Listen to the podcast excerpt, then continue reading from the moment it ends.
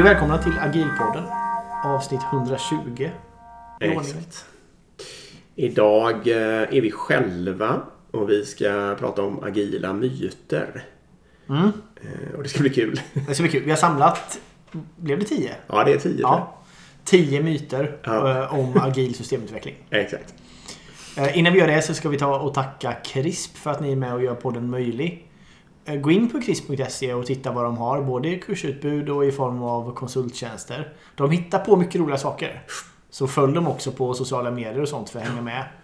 Um, Ja, och så återigen tack till CRISP. Ja, verkligen. Jag tycker det är kul att de har... eh, De kör ju en del samarbeten med sådana internationella människor som är kända för lite olika saker. Typ exempel då min favorit Marquette förstås. Men det är ju även andra liksom. Eh, Så man kan gå... de- har dels olika program eh, med sådana människor och för den delen helt vanliga kurser också. Så tack till CRISP. Ja, verkligen. Och vi länkar också så man kan bara klicka i länken här i avsnittsbeskrivningen så kommer man rakt in där man ska. Precis. Okej, bra. Då börjar vi helt enkelt driva av dem. Ja, Första myten är att om du har fler utvecklare så kommer du kunna producera mer. Ska vi ta din politiskt inkorrekta liknelse eller ska vi ta min... eh, Vi börjar vi säger din bara i alla fall så kan vi gå vidare sen. Och den var att man kan inte få barn på en månad genom att göra eh, nio kvinnor gravida. Eh, det är, och, vad, är, det då som eh, döljer sig eh, bakom det här då? Jo, det är ju det att man måste förstå hur olika saker skalar och vad som är viktigt och inte viktigt åt något. Eh, och då tar jag nog hellre min golvläggargrej då. För givet, om du har en arkitektur, så du har ditt hus, väggarna står där de står och beroendena är vad de är liksom. Och så vill du byta ytskiktet i garderoben, till exempel golvet. Och så tycker du att det tar för lång tid. Då är ju då väldigt många höga chefers eh, reflex liksom, är ju då att eh, vi tar in fler golvläggare. Då går det fortare. Och då tänker de, alltså så har man en då så ska det ta två veckor liksom. Så tänker de så att man kan ta in 14 stycken och så går det på en dag då så att säga.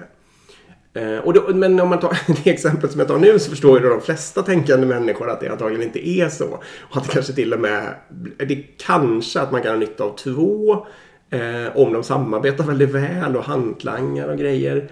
Eh, och sen har man troligtvis onytta liksom att de kommer bara störa varandra. Att det kommer bli olika sorts problem och diskussioner om metoder och annat. Liksom. Och det här är ju, och det är ju så här för systemutveckling också. Nu är det inte kanske det är inte lika litet som en garderob, men eh, det är viktigt att förstå att det här med alltså ett tvåpizzateam, eller kalla det vad du vill, men en grupp som kan lösa problem tillsammans är en optimal grej för ett sånt här rum eller kalla det vad du vill, men en kodbas som liksom autonomt ska lösa någonting. Eh, Och öka, går man långt över det och särskilt snabbt så att människor måste lära sig och börja samarbeta och det blir mycket mer eh, kommunikation och så vidare. Då går det bara långsammare alltihop och blir sämre. Liksom. Ehm, Det är ju då den första myten. Förlåt, vill du lägga till något? Ja men det stämmer. Jag tror det som skiljer mot eh, golvläggningsgrejen där är ju också att man många gånger har en upplärningstid som man inte tar respekt till. Så man tänker då... Alltså jag brukar ha som huvudregel att den personalen du anställer i år kommer du ha nytta av nästa år. Det är ganska bra. Alltså man får skjuta på det ett års tid ungefär. Och det är helt enkelt för att man, man tänker så här, ja, men vi lägger till 10 personer till till den här systemutvecklingsdelen. Då kommer vi få massa mer effekt. Kortsiktigt så kommer det sänka effekten. För de ska då onboardas, de ska sitta och parprogrammera ihop med folk och de ska sätta sig in i systemarkitekturen och i kodbaserna och så vidare. Så det kommer göra att det tar längre tid. Och det är den komplexiteten får du inte riktigt med i det exemplet eh, med golvläggning. För det kanske är ett mer standardiserat Ja, sätt eh, på något sätt. För det, man ska också lära sig ett helt nytt golv att lägga som du aldrig har lagt innan på ett sätt. Eh, Men visst annars så stämmer det ju väl. Och jag vet inte om jag vill ens, vi går inte ens in på Det känns som en It's a trap. Uh, vi är bättre att hålla oss till det här med Ja, och och jag vill bara vara tydlig på det också att det du och jag säger nu är ju två olika exempel på varför det är en dum idé. För det mitt exempel hänger ju mer ihop med själva skalningsfaktorn. Att man kan inte skala givet, sin... Då måste man ändra sin arkitektur liksom. Så man måste bryta loss och bygga ett nytt rum av den andra grejen. Liksom. Det är ju det som är min poäng. Och din poäng är ju helt enkelt att själva onboardingen eh, inte ska underskattas. Och gör man den med många människor snabbt så förhalar man ju på riktigt massa saker. Eh, Men det, man, troligtvis däremot, det som jag rekommenderar många team är ju mer att man försöker ha en pace när man tar in en människa. Ungefär det tempot som man har vant sig vid att folk slutar. Liksom. Eh, Då kostar det nästan ingenting. Precis, och det är rent gruppdynamiskt också. Det har vi pratat om innan. Men eh, att bara ta in nya personer i ett team kostar också mycket i, i, i den gruppdynamiska resan. Du måste börja om och den personen ska in och lära sig principer, metoder och hålla med om och skapa psykologisk säkerhet som du inte har med en person du inte har arbetat med. Och så vidare. Ja. Nej, precis. Så det är ju sällan det är sällan lösningen på ett problem. Alltså framförallt inte vi vill ha fart, därför vill vi ha fler personer. Det, det, det, får inte vara anledningen. Utan det är som du säger, snarare så här, okej okay, vi vill faktiskt bryta upp det här systemet för att ja. vi vill att det ska skala på ett helt annat sätt. Ja. Därför vill vi anställa. Fine. Och, och då bör man ju i samma andetag ha en idé om hur den där uppbrytningen, ja. precis, så att man får nya autonoma team med, med egna kodbaser som de liksom någorlunda självständigt kan ändra i liksom, utan att störa alla andra. Mm. Eh, jag tänkte också, den, en systerspaning till det här eh, som jag tror att vi får ta under den här punkten också är ju att det här eh, att det är, eh, vad ska man säga, att, det ligger också i det här att mm, det är ett rent manuellt arbete så att det är liksom som att inte vet jag, ta ner träd eller något sånt där. Så det spelar ingen roll liksom var de här människorna finns. Eh, eller vad de har för bakgrund, motivation, syn på helhet och så vidare. Och så vidare. Så man kan precis lika gärna lägga alltihopa i, eh, typ exempel då i Indien mm. över en natt och att det skulle bli lika mycket gjort så att säga. Eh, och jag menar absolut inte att det är något fel på att lägga saker i eh, Indien, för det kan man verkligen göra. Och då behöver man tänka på alla de där sakerna som jag just nämnde i förbifarten. Att då måste de människorna som ska göra det måste ha historiken, måste se helheten, mm. känna samma motivation. Ansvar. Mm. Känna samma ansvar. Känna att de har lika mycket kanske Um, alltså vad heter det, fair uh, ersättning så att säga. Um, och, och tusen andra som gör att de kanske vill stanna ungefär lika länge och så vidare. Och så vidare. Och man liksom bara tror att man men då liksom billig arbetskraft kan få precis lika mycket gjort huvud för huvud så att säga. Uh, det är ju också en sån fälla som är jätte, ja, verkligen. jättevanlig att företag ger sig in Det här är en vanlig sätt som den här myten går på. För då är ju argumentet att man får ju tre systemutvecklare ja. för priset av en svensk. Då måste det ju bli mycket bättre. Exakt. Men då är man ju tillbaka i samma myt egentligen, där vi började. Okej, okay, bra. Nästa. Är du redo för nästa? Nu kör vi nästa. Mm. Du måste ta bort kvalitet om du ska uh, vinna tid och, eller kostnad. Just det. Den var du skeptisk till. Fruktansvärt. Är inte det också... Det är en gammal myt. Um, jag vet inte. Alltså den, jag, jag för mig... Den här stammar ju från den här projektledningseran. Va? Mm. Ska vi prioritera kvalitet tid mm. eller pengar i det här mm. projektet. Exakt, det höll ju folk på med som 17. Mm. Nej, och, ehm, och det här tycker jag för övrigt också är en likhet mellan en agil kultur och en lean kultur. Att om man eh, jobbar med låg kvalitet så får man nästan alltid effekten att det blir dyrare och eh, tar längre tid också. Mm. Man kan nästan aldrig kompromissa med kvalitet så att säga och få det bättre, alltså och komma undan snabbare och sådär. Det är klart att man rent, vad ska man säga, rent om man skiter i en jätteallvarlig bugg och produktionssätter den då då kan man ju tycka att man har sparat. Då fick man ju ut skiten där och då liksom. Så i den bemärkelsen är det kanske sant. Men om man tittar bara lite längre tid av vad som händer i kölvattnet av det och vad man ska göra med den där buggen och vad som ska hända sen. Så blir ju liksom den här prylens totala livslängd eh, blir ju försenad. Liksom. Alltså mm. att man får ju mindre funktionalitet vid en viss given tid om man inte jobbar med kvalitet. Mm. Jag vet inte varför, vad det är. Ah, det är så mycket sånt där som kommer från projektledningseran. Som ja, är det är ett gammalt sätt att tänka bara. Ja. Men vad är det man tänker om man tänker att om man ska bygga någonting... Man det är ju det här med fixed scope tror jag som ställer ja. till det.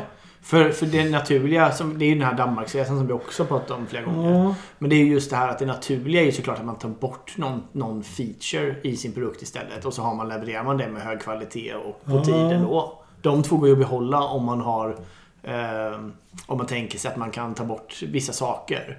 Men då, då blir det ju det här skolplattformen. Nej, allt måste med. Ja, och det är väl den. Och då blir det så här, okej, okay, måste, allt måste med och vi har ett fix tid. Ja. ja. då är det klart. Då blir det ju väldigt kvalitets... Ja, kastar vi i oss maten här i Köpenhamn på den här eh, ja. Michelin-restaurangen. För att eh, annars hinner vi ju inte. Men exakt så. Exakt så blir det.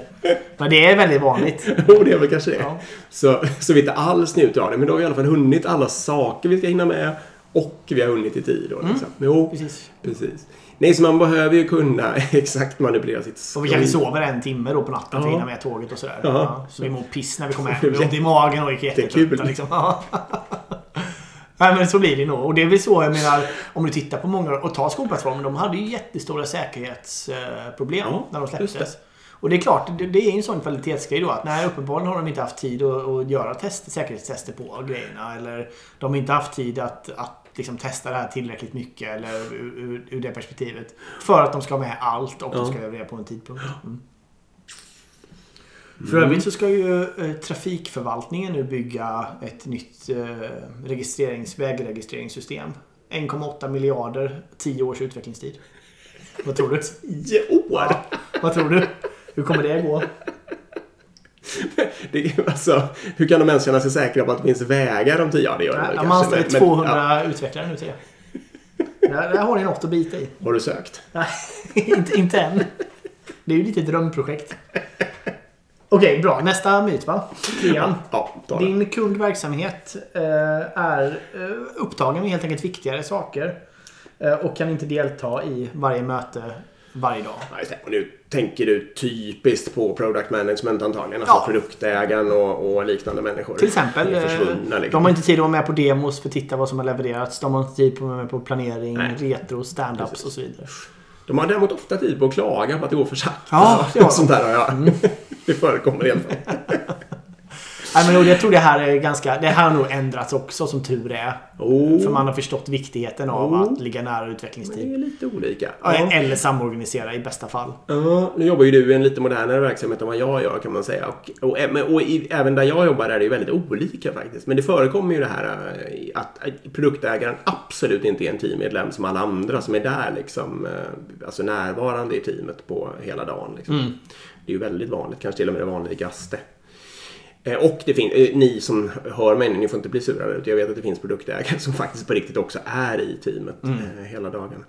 Nej men vad jag tänkte på, ehm, är inte det här lite kopplat till sån här viktighetskultur och möteskultur och sånt där? Att om man, om de här produktmänniskorna liksom har fastnat i viktighets och eller möteskultur, då får de antagligen väldigt lite gjort. Även det där andra, det, sådär, det så kallat viktiga, blir ju inte heller, jo, ingenting blir gjort liksom för att de bara går runt, bara springer runt mellan olika saker. Nej, och sen blir det rapporter upp till högre Ja, chefer exakt. och det ska skrivas Exakt. eh, strategier och Ja. hit och dit liksom. Mm. Och då har man ju ett större strukturellt problem som även drabbar utvecklarna då, eller utvecklingen därför att eh, den som till exempel är produktägare inte kan vara där och, och hjälpa till helt enkelt. Nej men precis, för det dumma många gånger är ju också att eh, i klassiska organisationer eller traditionella organisationer då, då låser man ju också använda feedbacken till att enbart komma Mm. via produktägaren. Och sen har produktägaren inte tid att vara där då. Så då sitter ju teamet lite i blindo och Ja, utvecklar. Precis. Och sen så blir återkopplingsloopen alldeles för lång. Mm. Och sen så kommer de ofta vara arga efter någon månads tid för att säga Men herregud, har ni bara levererat det här lilla och det vill ju inte någon kunden ha. Och, så vidare. Nej. och så förstår de inte att det är de som är problemet. Då. Nej. Det blir ju ofta också att man sitter, för dels är det användaråterkopplingen men det är också det här, ska jag göra så här eller ska jag göra så där? Ska jag ta den först eller den först? Det finns ju så här 10 000 sådana småbeslut som man fattar under en dag.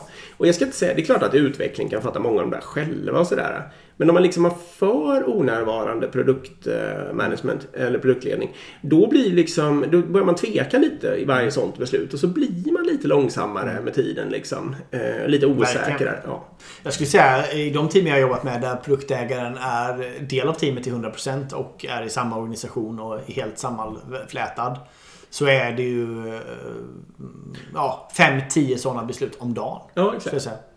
Där det både kan vara, passar det här med vår strategi? Ja. Är det här rimligt? Ska vi göra så här? Är det här viktigt? Vad- Är det här viktigare än det här? Och så vidare.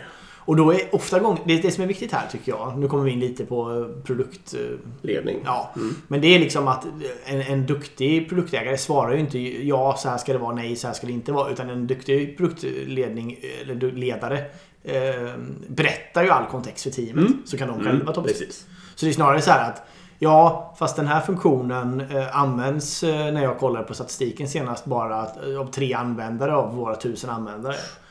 Och de använder den en gång i månaden om de ska göra den här rapporten. Ja. Den här rapporten kan de få ändå av oss via att vi gör så här. Så därför anser inte jag det här som en viktig sak. Så, till exempel. Ja. Fick, blev lite produktledning också. Ja, men det är okej.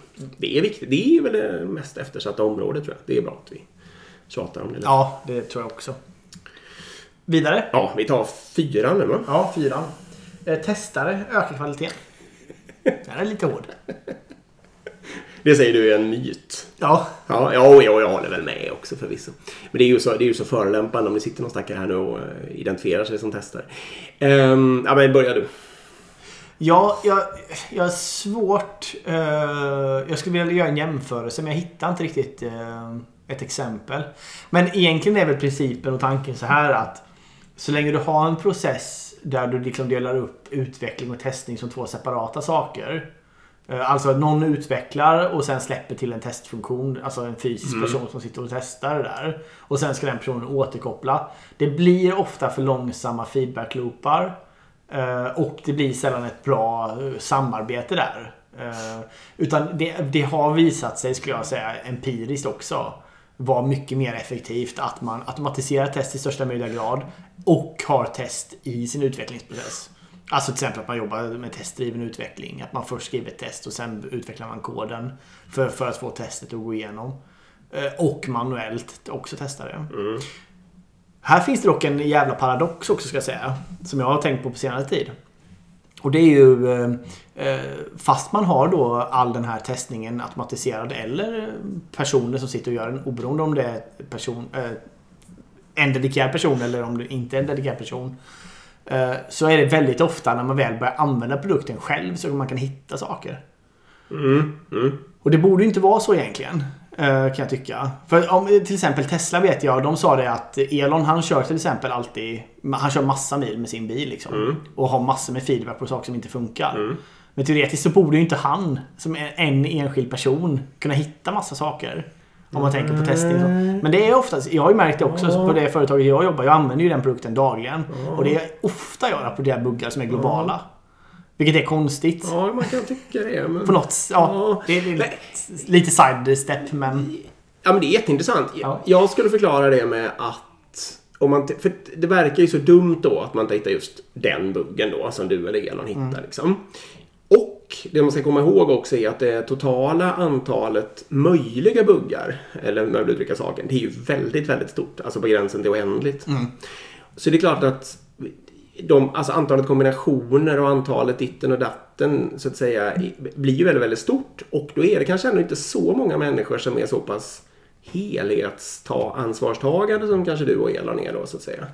Det är ju många, men, men de räcker ändå inte riktigt liksom i, nere i produktutvecklingen för att man ska få bort alla grejer. Nej, och, Utan det är sen ploppar igenom. För jag skulle tro att de sakerna som ni ofta hittar är lite...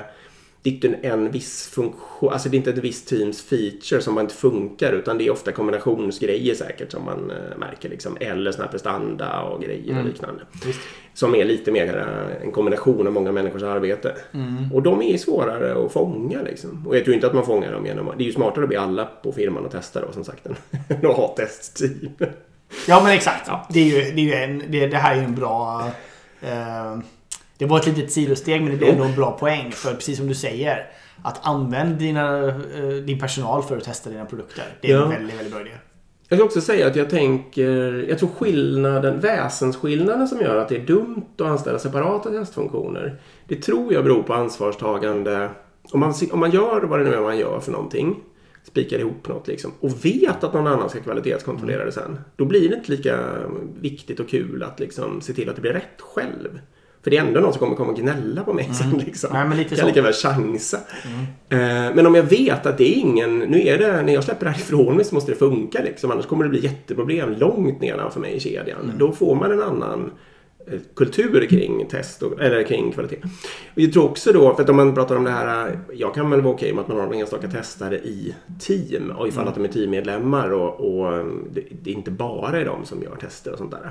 Så om jag ska hålla med om den här myten så är jag väl fortfarande okej med det. Men man ska ju absolut inte tro att man kan öka kvaliteten sen genom att anställa ändå fler testare. Nej, men exakt. inte någon annan. Nej men precis så kan man väl säga. Det där beror ju på vilken typ av... Jag menar, du kanske inte har en infrastruktur eller systemmöjlighet att automatisera till Nej, den stora exakt. graden så att du faktiskt Exakt. behöver det. Men exakt, men du kan inte skala upp den funktionen, Nej. göra den separat och tro att kvaliteten kommer öka. Nej, då kommer det minska. Ja. Och det kommer bli långsamt alltihop. Men jag tänker på om vi inte, om vi inte tar systemutveckling, om vi tar Mm. produktionslina istället. Toyotas produktionslina har ju kvalitetskontroller. Mm, exakt. Och de är ju, då försöker, nej jag är absolut inte expert på det här. Och som jag tolkar det hela så försöker de ju ha dem eh, liksom så små som möjligt. Inte nödvändigtvis så få som möjligt. Men de försöker ha det liksom att alla människor i grunden har tagit ansvar för sin Mm. egen kvalitet och sen så har man ändå eh, vissa stationer när man testar vissa specifika saker som, inte, som kanske annars inte hade kommit med. Liksom, Mm. så att säga, som test. Toyota hade ju också, eh, jag vet inte hur de har nu, men för, eh, tidigare har de ju haft att de inte provkör eh, bilarna. Mm. En bil ploppar ut från line och sen går den till kund. Liksom. Det är fan hårt. ja, då har man ju självförtroende. Det är fan bra självförtroende. De vet inte ens. Det är klart att någon kommer ju märka om den startar för att det är väl så de antagligen kör om den ju upp på någon slags transport och sånt där i och för sig. Men, eh, men då ska den ju, där och då när den människan startar den för att transportera upp den på biltransporten, då ska den funka liksom. Ehm, ja, och det, och de har, ju- det är väl ingen som uppfattar att Toyota har låg kvalitet liksom. Utan, Nej. nej. Men men å andra sidan tar du moderna mjukvarubolag så sätter de ju sina eh, saker i produktion direkt också. Ja, exakt. Så det blir lite samma... Ja, exakt. Det Och det, det finns en styrka i det för ehm, jag vet också när man pratar om machine learning-modeller till exempel så har det empiriskt också visat sig att eh, att ska vi säga, inte använda för avancerade ord här men eh, att eh, explicit feedback inte är så bra utan man vill hellre se på implicit feedback. Och vad är skillnaden på dem då? Jo, implicit feedback är det faktiskt hur folk använder sakerna. Så om du tar ett eh, IT-system då vill man faktiskt se att okej, du, lä- du, du lanserar en ny funktion. Okej, kommer folk använda det? Då tittar du på om faktiskt folk gör det med användardata. Du skulle också kunna fråga folk. Tycker du att det här skulle vara en bra grej att göra? Men då har man visat, det, man har visat är då att det man frågar folk så får du, du det stämmer inte ofta med Nej. användarbeteendet. Så då, är, då har man börjat inse det mer och mer att okej, det är inte så jätteintressant att fråga folk hur bra det här är eller hur dåligt det här är. eh, Eller vilken kvalitet det här har. Utan istället, har det dålig kvalitet eller inte uppfyller behovet, då kommer folk inte använda det och då kan du ta bort det på grund av det istället. Och det är lite samma sak här då att det är inte... Det finns ju en sån här... eh, Jag kommer ihåg den eh, på ett företag jag jobbade. Då vill man ju ha in metrics som mätte buggar i produktion som är dålig sak. Mm.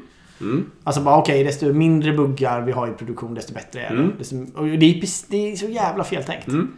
För då är det precis där, okej då måste vi sitta och sö- testa sönder saker så Mm. det verkligen är hundraprocentigt. Ska vi aldrig få ut något? Nej, men lite så.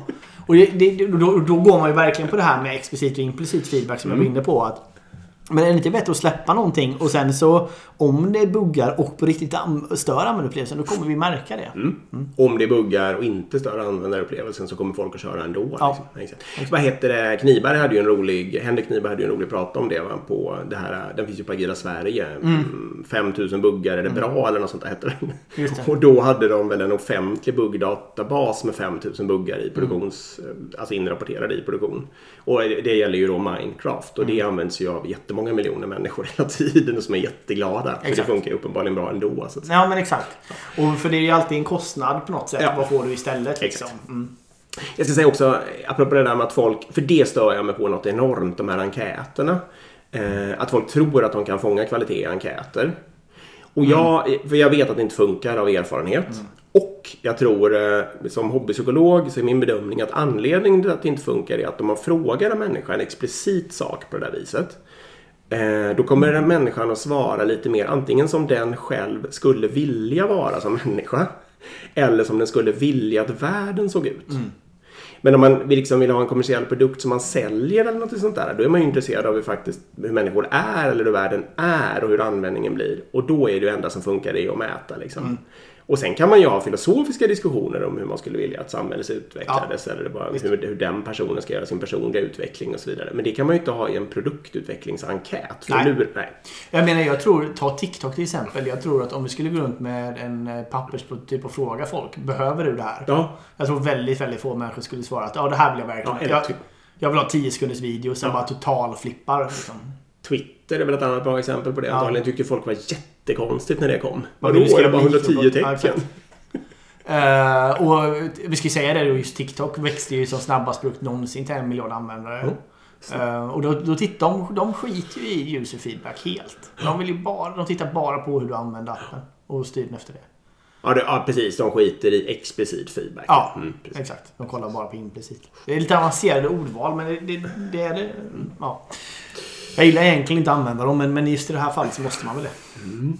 Okej. Eh, vi, fly, vi, vi, Mm, vi, vi femman. Femman, femman bra. Eh, utveckling slutar när produkten är släppt. För, först när du sa det, det var jag Erik som hittade på den här förut, så tänkte jag men det här, så är det ju inte längre. Eller det tror ju inte folk längre. Men sen när jag tänkte efter lite så insåg jag att i alla fall människor som är en bit ifrån IT, Mm. eh, de kan ju tro det. Nu har jag ju byggt den här grejen och betalat massa pengar för det. Nu är väl den klar. Så nu Mm. kan jag väl bara eh, släppa det liksom. Och inte behöva betala en krona till för den där utan möjligtvis en enstaka bugg kanske. Eller något sånt där. Nej, jag vet inte vad det är. Det är Plattformar någon- också är ja. väldigt vanligt. Men vi har släppt den där plattformen nu. Eh, nej men precis exakt. Jag vet inte vad ska man dra till med då? Eh, om man tar bi- en bil då till exempel. Säg att en bil kostar 300 000 att köpa. Och så då får du lägga kanske 10 000 om året eller något sånt där. Eller inte riktigt, men säg Ja men om du ska räkna med all maintenance. Alltså du ska serva, du ska byta vinterdäck du ska köpa nya däck och allting. Så säg 10 000 om året på en sån bil. Eh, vad är det procentuellt då? Några procent? 3-4 procent? Jag tror på IT så kanske det handlar om 50, 40-50 procent eller sånt där. Men det är lite, för att i IT-fallet så det vi menar är ju egentligen att det finns produktutvecklingskostnader sen i flera år till. Liksom. Det är egentligen det vi menar. Och jag tror kanske att det är lite kanske sådär bilar och modeller som är skulden till att man tänker sådär. För för länge sedan så tog man i så man kräktes för att få en bilmodell helt klar. Och sen bara sälja, förbereda produktion och allting så man kunde sälja hur många som helst på en gång. Mm. Eh, och hoppas på att inte behöva ändra någonting. Och väldigt ofta då i och för sig så blev det ju enorma kvalitetskostnader och de fick hålla på antagligen att ändra massa komponenter och ha massa kvalitetsteam som åkte runt över hela världen och försökte förstå vad det var som funkar och inte funkar och så vidare. Men det är väl det då att de, de hade det tankesättet och det har många människor då tagit med sig till IT liksom. Eh, Men på en ID-produkt så passar i och med att man kan ändra allting när som helst. Det beror lite på vad det gäller. Men ofta kan man ju faktiskt ändra allting precis när som helst. Så det är så otroligt dumt att försöka. Det är mycket bättre att lansera i liten skala så Ja, att säga. Och sen hålla på att ändra och utveckla allt eftersom. Eller, och så som Tesla är en slags IT-produkt också. De gör ju så även om de, har hårdvara inblandad. Liksom. Ja. Eh, Men det är nog den gamla föreställningen helt enkelt att nu släpper vi ifrån oss den här produkten och då ska vi inte ändra i Då är den klar. ja. Och det är ju liksom inte sant på något sätt. Nej, och det här är ju uppenbart för alla våra smarta lyssnare såklart. Ehm, men det är lätt att fastna i det där. Och jag, jag tror... ehm, jag, jag, jag, jag, om jag säger, har, har du haft 10 personer som har utvecklat ett, ett system, ett IT-system som används av användare. Ja, Jag tycker alltså absolut du kan skala ner. Om du säger så här att vi ska inte, nu ska vi inte satsa något mer, nu ska vi bara underhålla den här produkten. Då behöver du inte nödvändigtvis behålla 10 personer för att göra det. Men du kan liksom inte säga att vi ska lägga 0,3. Nej, förstås. Utan det krävs fortfarande halva teamet eller något mest troligen för att underhålla det. Och jag tycker nog också att det är dumt att göra hack i den där kurvan. Jag, vill, jag ritar nästan, när jag ska förklara det här för människor så ritar jag alltid upp det som en kontinuerlig kurva. Den börjar ju borta i noll med att man sådär och så har man någon idé och så blir det några människor och så blir det fler och fler. Och sen går den upp på någon slags platå, ish. Och under den platån så ska man eh, lansera då tycker jag så att säga. Och sen ska man ligga kvar med me- mer eller mindre samma mängd människor under en period som då kanske är typiskt är det ju ett år eller två eller tre. Liksom. Eh, och sen kan man börja låta det droppa lite organiskt det där. Någon slutar så ersätter man inte den. Ja, exakt. eller man, några av dem går vidare till nästa spännande projekt och sådär. Liksom. Eh, så löser det sig av sig självt. Men eh, man, att man har ett sånt produktlivscykeltänk och inte något sånt där liksom... eh, development fas. and maintenance. Exakt. Och sådär. Nej, vi måste hand, hand over to maintenance och vad det heter. Ja, det är dumt. Okej, bra. Fruktansvärt dumt. Ska vi fortsätta? Ja. Eh, då är det sexan va? ja. Eh, lean och agilt ska blandas. Slash allt är bättre lean agilt. Alltså hör, hör jag ordet linagilt en gång så kommer jag explodera. Ehm, okej, men jag tar min liknelse först tror jag. Ja. Jag tycker ju nämligen att det är lite så här. Eh, åh, vi ska äta något lyxigt och gott till middag. Eh, vad ska vi ha för rätt? Ja, men vi, eh, vi gör ehm, eh, hummersopps oxfilé. Det är gott. Det är två riktigt goda saker, så det måste bli jätte, jättegott tillsammans. Och det, man, det misstaget som man gör då är ju helt enkelt att eh, de där uppfyller ju liksom olika behov. De, de eh, smakar lite olika och beroende på vad man känner för eller vem man är så kan man tänkas gilla hummersoppa eller oxfilé. Eh, och var och en för sig så är de ju fantastiska för, liksom, för sitt syfte och så vidare. Eh, och så helt plötsligt så är det någon då som tycker att bara för att båda är mm, fin mat, liksom, att de hör till samma sån kategori, så är det fiffig idé, då blandar vi dem. Och då är ju risk, då får man ju massa konstiga smaker och problem. liksom, det är ju antagligen inte gott längre. Och de, de ställer sig helt enkelt i vägen för varandra. Det är, det är ju det här som är min hypotes. Och jag menar inte att alltså ett företag som har en i grunden lean kultur eh, eller en i grunden agil kultur kan ju självklart ha element av båda. Och man kan ha, eh, liksom, självklart har man ju naturligt en slags lean kultur i sin produktions och logistikdel så att säga. Eh, och en agil kultur i sin produktutvecklingsdel och andra sådana där eh, komplexa delar. Det är mm. okej. Okay, liksom. Men just det här med att man ska blanda ihop dem och låta dem lösa Nej, det är dumt. Ja, samma problem. Eller så här att alla problem ska lösas av en, av en mischmasch av de här två mm. kulturerna. Alltså jag, åh, jag blir så vansinnig. Nej, men det är ju lite också för, för uh, om man kan någonting om mat då förstår man ju att uh, oxfilé hummersoppa eller hummersoppa ja, oxfilé. Du kan kalla det riktigt. Eh, det, det låter ju som en person som aldrig har lagat mat. Ja. Som försöker bara ta det lyxigaste och slå upp det. Och det är precis exakt, ja. exakt den känslan ni får. Det är exakt den känslan jag och Dick får när vi hör lean agilt. Det är alltså en person som inte har en aning om vad verkligen lean eller agilt är. Som försöker låta, låta smart. Ja. Ja. Det... ja, vi stannar där kanske. Jag tror det. Okej, bra. Eh, sjua är ju systerspaning. Eh, applicera agilt framför vad som helst så blir allt bättre. Mm. Vi börjar väl återigen med det krispigaste exemplet som jag vet och det är ju det här um, agilt team. Um, och då, det är du som har fångat upp det. är någon av våra gäster som har sagt det tror jag. You wouldn't call yourself a water swimmer, would you? Att om man liksom är ett team som, som känner sig trygga som team. Liksom. Då kommer man att känna något behov av att, att kalla sig för agilt team. Då kanske man visserligen är det. På samma sätt som en simmare troligtvis simmar i vatten. Men man behöver liksom inte poängtera att jag är faktiskt en vattensimmare. Um, så att säga. Och det här tycker jag, det, för, det, det händer ju lite här och där och, och, och liksom att många människor de kan komma med långa komplicerade för det, det, där var ju det mest extrema enkla exemplet när någon bara säger agilt team i onödan. Så att säga. Men många människor kan komma med, de har något stort ordning och reda projekt kanske eller något sånt där. Ehm, eller de har en omorganisation. Så kanske de skär lite terminologi som de har hört liksom, från någon annan så gamla organisation. Eller de liksom, har olika såna här förklaringsmodeller. Och så säger de att ja, men vi måste göra all den här ordningen och redan för att vi ska kunna jobba agilt.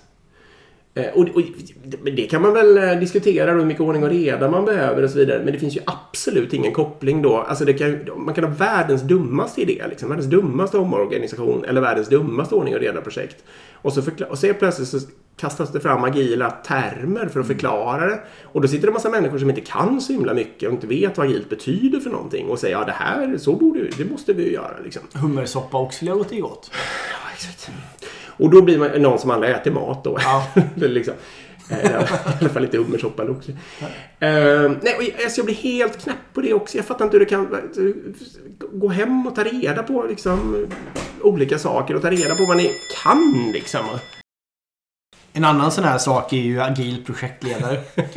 jag kan tycka att uh, det är två saker som inte hör ihop.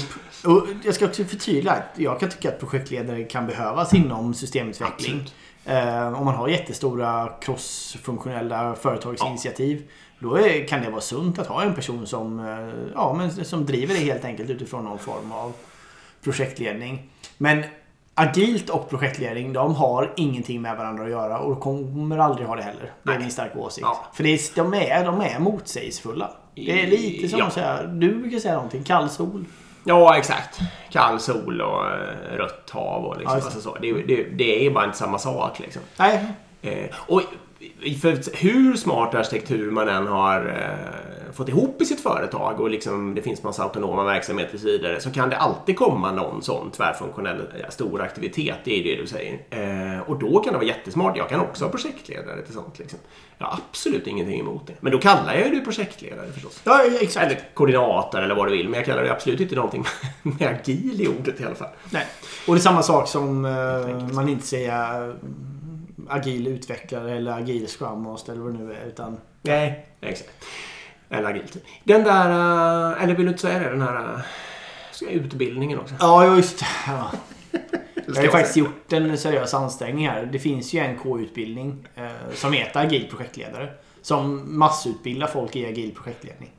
Vilket då är eh, otursamt. Jag, jag tror inte de nödvändigtvis läser fel saker eller eh, gör kursen dålig. Det är inte det jag påstår. Det är bara att de, jag, jag kan inte tänka mig ett enda företag som håller på med någon form av systemutveckling som, vill sö, som behöver agila projektledare. Nej. Och om det finns så är de väldigt, väldigt få och de kommer mest troligen transformeras till att inte behöva den rollen. Ja. Så det är lite liksom som att uh, vara di dinosauriefrisör liksom. Eller något Ja. sånt där.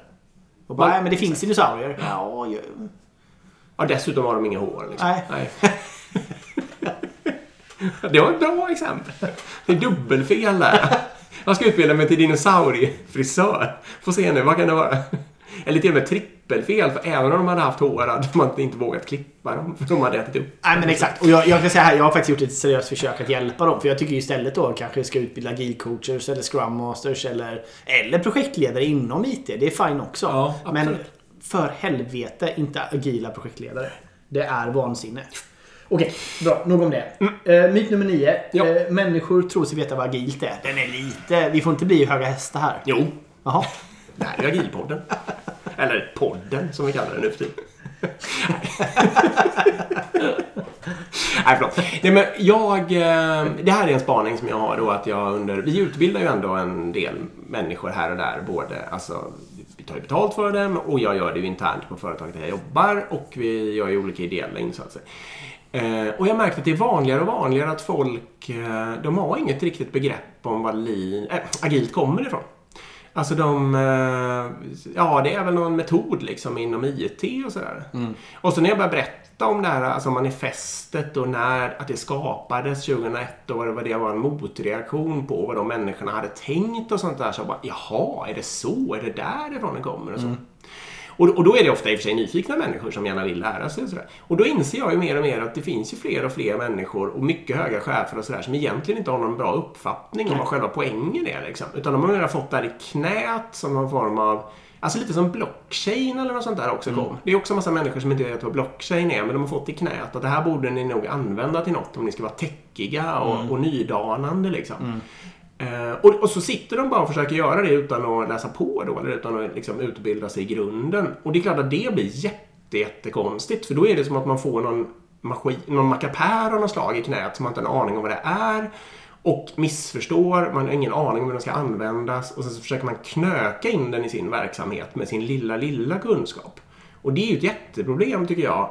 Och då, det är ju då också som den här marknaden för till exempel de här skalningsramverken. Då kommer det någon med ett sånt där liksom från sidan och ja, men jag kan hjälpa dig här. Åh vad skönt. Ja, men jag kan vara din kompis om du betalar mig. Liksom. Ja men åh vad skönt. Då betalar jag dig jättemycket pengar för att du kommer här och ska knöka in ditt ramverk. Liksom. Och då man om man inte vet, om man inte var agil eller liksom agilt mindset i visst. grunden så har man ju ingen som helst nytta av det här ramverket. Det kommer ju bara att komplicera saker för en då på något sätt. Och varför jag också kanske råkade säga lean här i början var för att det finns väl likheter där att många säger ju lean och eh, Alltså, visst, många vet det väl, men det är också, alla vet ju inte heller att det kommer från Toyotas produktionssystem. Liksom. Lite likt på det viset, att man kan börja misstolka det precis hur mycket som helst. Det finns managementkonsulter som liksom får Ja, lura folk att jobba hårdare genom att säga att det är lean och sådär. Eh, Det är absolut inte så det funkar på Toyota till exempel. Ja, Nej, det- är bra. Det finns ju inget, alltså typ jag tänker eh, kanske om du tar psykologi och vissa begrepp där, KBT till exempel. mm. Eh, Det kan inte vem som helst slänga sig med för du måste Nej. ändå vara certifierad Ja. och du måste liksom ansöka för att få hålla på med det. Eller du måste plugga en viss grej då, psykolog och sådär. Eh, Men just här kan man faktiskt ta ett begrepp och använda- misshandla det precis hur mycket som helst. Och det har vi ju verkligen sett. ja. Eh, Både lean och agilt. Och man ställs inte överhuvudtaget till svars för det. Och eh, många gånger vet de inte ens om att de misshandlar begreppet. Jag är precis, jag försöker sälja mitt agila ramverk eh, eller jag är agil coach eller agil projektledare och allt det där. Liksom. Ja. Det är ju ingen, precis, förutom att man kan bli trashtalkad i agilpodden så finns det ingen annan sanktionsmöjlighet. Nej, lite så är det faktiskt. Okej, vi är framme vid sista. Nummer 10. Agilpodden är bara en fluga. Jag vet inte om någon... eh, och jag tror att, eh, det, att det var människor som lite antydde det då eh, 2016-17 liksom. Eh, och sådär. Och det, nu vet jag inte. Nu är det väl ingen... Nu tror jag faktiskt inte att folk säger så längre. Inte till oss i alla fall. Nej, de, vågar inte säga det till oss i alla fall. Exakt. Ehm, nej, men jag vet nu det här bara en fluga, det har vi pratat om förut. Ja, inte den här podden dock. Har vi inte det? Nej. Nej men okej, då tar vi det lite Ja, snabbt. det är. Det är ju en av de här, den här Mandela-effekten Mm. eller vad det nu heter. Att ehm, det har ju egentligen inte hänt heller. Men då är det nämligen, då tros det att, eh, Ines Uusmann som var kommunikationsminister, att hon sa att internet bara är en fluga.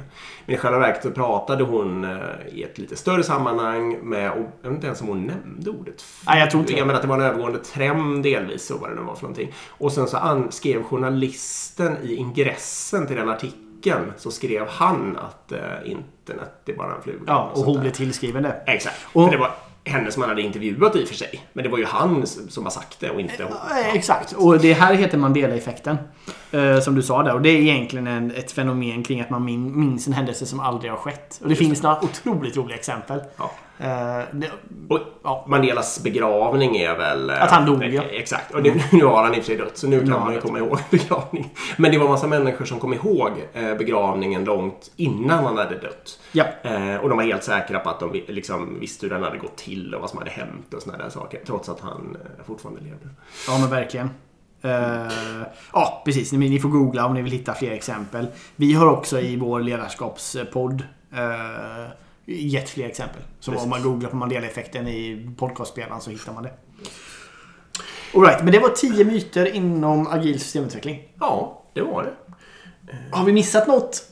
Har vi eh, sagt något som provocerar er eller någonting så behöver ni inte höra... Nej, jag ska. Så Hör av er. hör av er. Agilpodden.gmail.com Agilpodden på Instagram. Precis. Eh, och våran andra podd, nu gör vi lite reklam för den bara Ja. att du råkade nämna den också. Den heter Ledarskapspodden helt enkelt. Och den är fem minuter eh, de flesta vardagar måndag till torsdag. Eh, Ja, och tack till CRISP för att ni är med och gör den här podden möjlig. Det är vi jätte, jätteglada över. Ja, verkligen.